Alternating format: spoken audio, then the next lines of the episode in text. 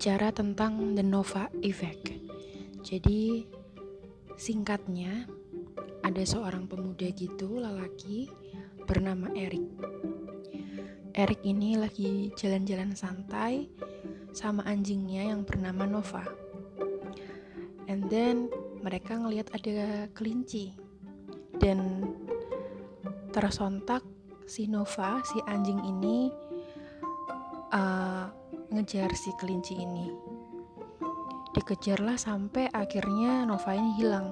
Jadi Erik udah cari Nova ke mana-mana, tapi nggak ketemu-temu. Udah minta tolong bantuan juga sama orang lain buat mencari si Nova.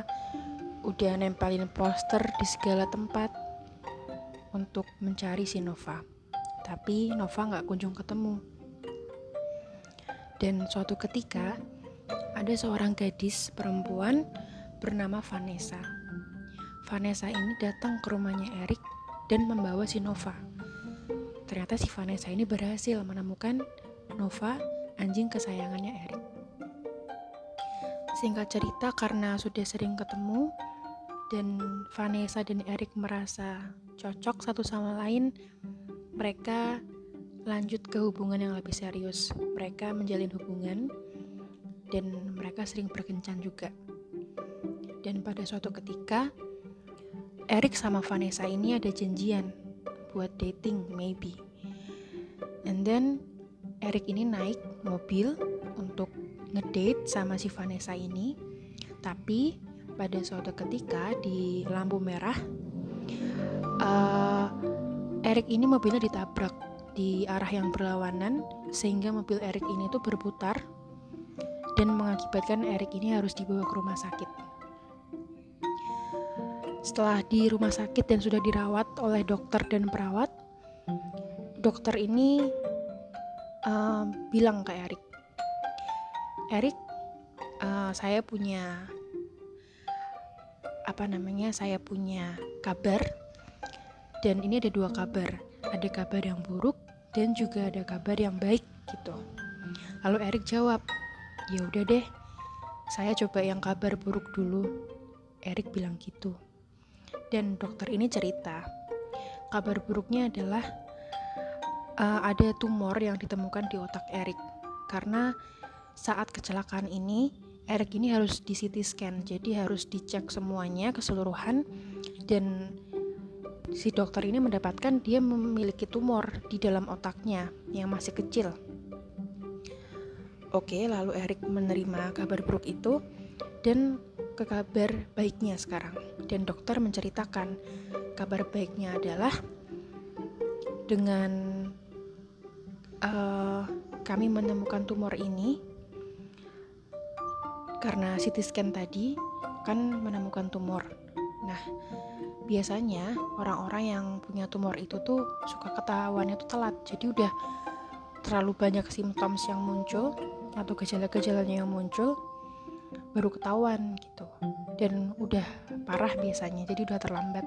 Tapi si Erik ini beruntung karena ditemukan tumor ini ketika tumornya masih kecil dan belum ada gejalanya jadi bisa diobati. Begitu kata si dokter. Sebelumnya Erik bingung hah aku punya tumor kenapa jadi kabar baik? Nah ternyata kabar baiknya adalah uh, ketahuannya ini tuh sangat dini jadi bisa diatasi, kata dokter. Lalu Erik bingung gitu. Nah, jadi singkatnya long story short dari cerita singkat tadi tentang Nova Effect itu hal-hal buruk itu bisa jadi hal baik juga kalau dipikir hal buruknya yang pertama terjadi adalah kehilangan si Nova, si anjing dari Erik ini. Tapi dengan hilangnya si Nova, Erik malah ketemu sama Vanessa, ya kan? dan udah tuh udah baik jadi udah berhubungan baik dengan Vanessa udah sering ngedate jalan-jalan. Eh tapi pas di suatu pertemuan untuk ngedate Erik malah kecelakaan. Nah tujuannya kan tadi dia ingin bertemu si Vanessa ya tapi malah kecelakaan. Tapi beruntung juga dengan dia kecelakaan dia jadi di CT scan dan malah jadi tahu ternyata di otaknya ada tumor kecil. Yang di mana kalau masih kecil bisa diobati sebelum terlanjur parah. Nah, jadi hal-hal ini tuh sering terjadi dalam hidup kita. Iya kan? Karena apa? Karena kita sering ngerasa dan sedihnya itu itu. Yang bikin kita sedih itu adalah kita suka udah ngerasa sedih duluan gitu. Kalau ada hal buruk tuh wah ini buruk deh. Wah ini nggak akan mem, apa ya hal buruk ini tuh pasti nggak akan bikin kita bahagia atau ya udah buruk ya tetap buruk aja gitu. Tapi terkadang dengan hal buruk itu justru di ke depannya akan ada hal baik yang datang ya contohnya kayak tadi kalau Nova nggak hilang mungkin Erik nggak bakal ketemu sama Vanessa.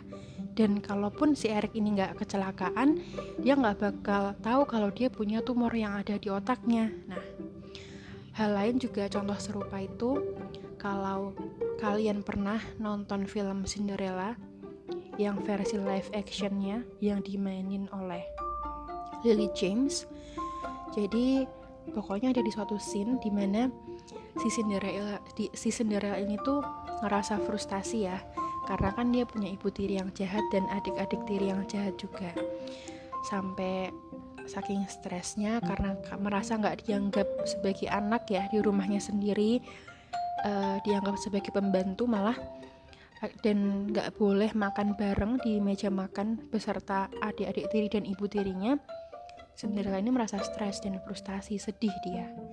Dan akhirnya dia lari ke hutan naik kuda. Nah tapi dia ketemu sama pangeran yang ganteng. Walaupun si Ella ini si Cinderella ini nggak tahu kalau dia tuh ketemu sama pangeran. Dan pangeran juga nggak ngaku. Dia ngaku sebagai kid. Atau orang yang ada di pangeran tapi dia nggak bilang kalau dia tuh pangeran. Pokoknya dia tinggal di kerajaan gitu maksudnya. Nah dan di scene itu ada uh, orang yang baca narasinya atau naratornya itu si uh, ibu peri. Ya ibu perinya intinya bilang gini intinya coba kalau Ella ini nggak dimarahin sama ibu tirinya nggak di apa ya nggak dianggap sama ibu tirinya atau di atau nggak diperlakukan nggak baik sama ibu tirinya pasti Ella nggak akan pernah ke hutan lari naik kuda dan ketemu pangeran. Karena pada akhirnya kan si Ella ini jadinya menikah dan hidup bahagia selamanya sama si pangeran ini. Nah jadi hikmahnya adalah hal yang bisa kita petik itu adalah kadang hal buruk itu justru mendatangkan hal yang baik tapi kita suka nggak sabar aja nunggunya. Kita kalau ngerasa gagal dalam hal apa pun misalnya nggak berhasil dalam ujian nggak diterima di tempat yang kita inginkan atau kita mengharapkan sesuatu tapi nggak nggak kunjung dikabulkan kita ya udah sedih aja gitu kita ngerasa menderita oleh kegagalan kita, oleh kesedihan kita. Tapi sebenarnya mungkin Tuhan itu punya rencana lain, rencana yang baik yang justru malah bisa menyelamatkan kita dari keburukan itu. Tapi dengan catatan kita harus cukup sabar untuk menunggunya. Dan sabar itu penting banget. Kalau kita nggak sabar, kita mungkin nggak akan bisa mencapai di titik itu, di titik di mana kita ngerasa bahagia seutuhnya. Jadi, yang sabar ya. Mungkin bentar lagi bahagiamu itu akan datang. Salam.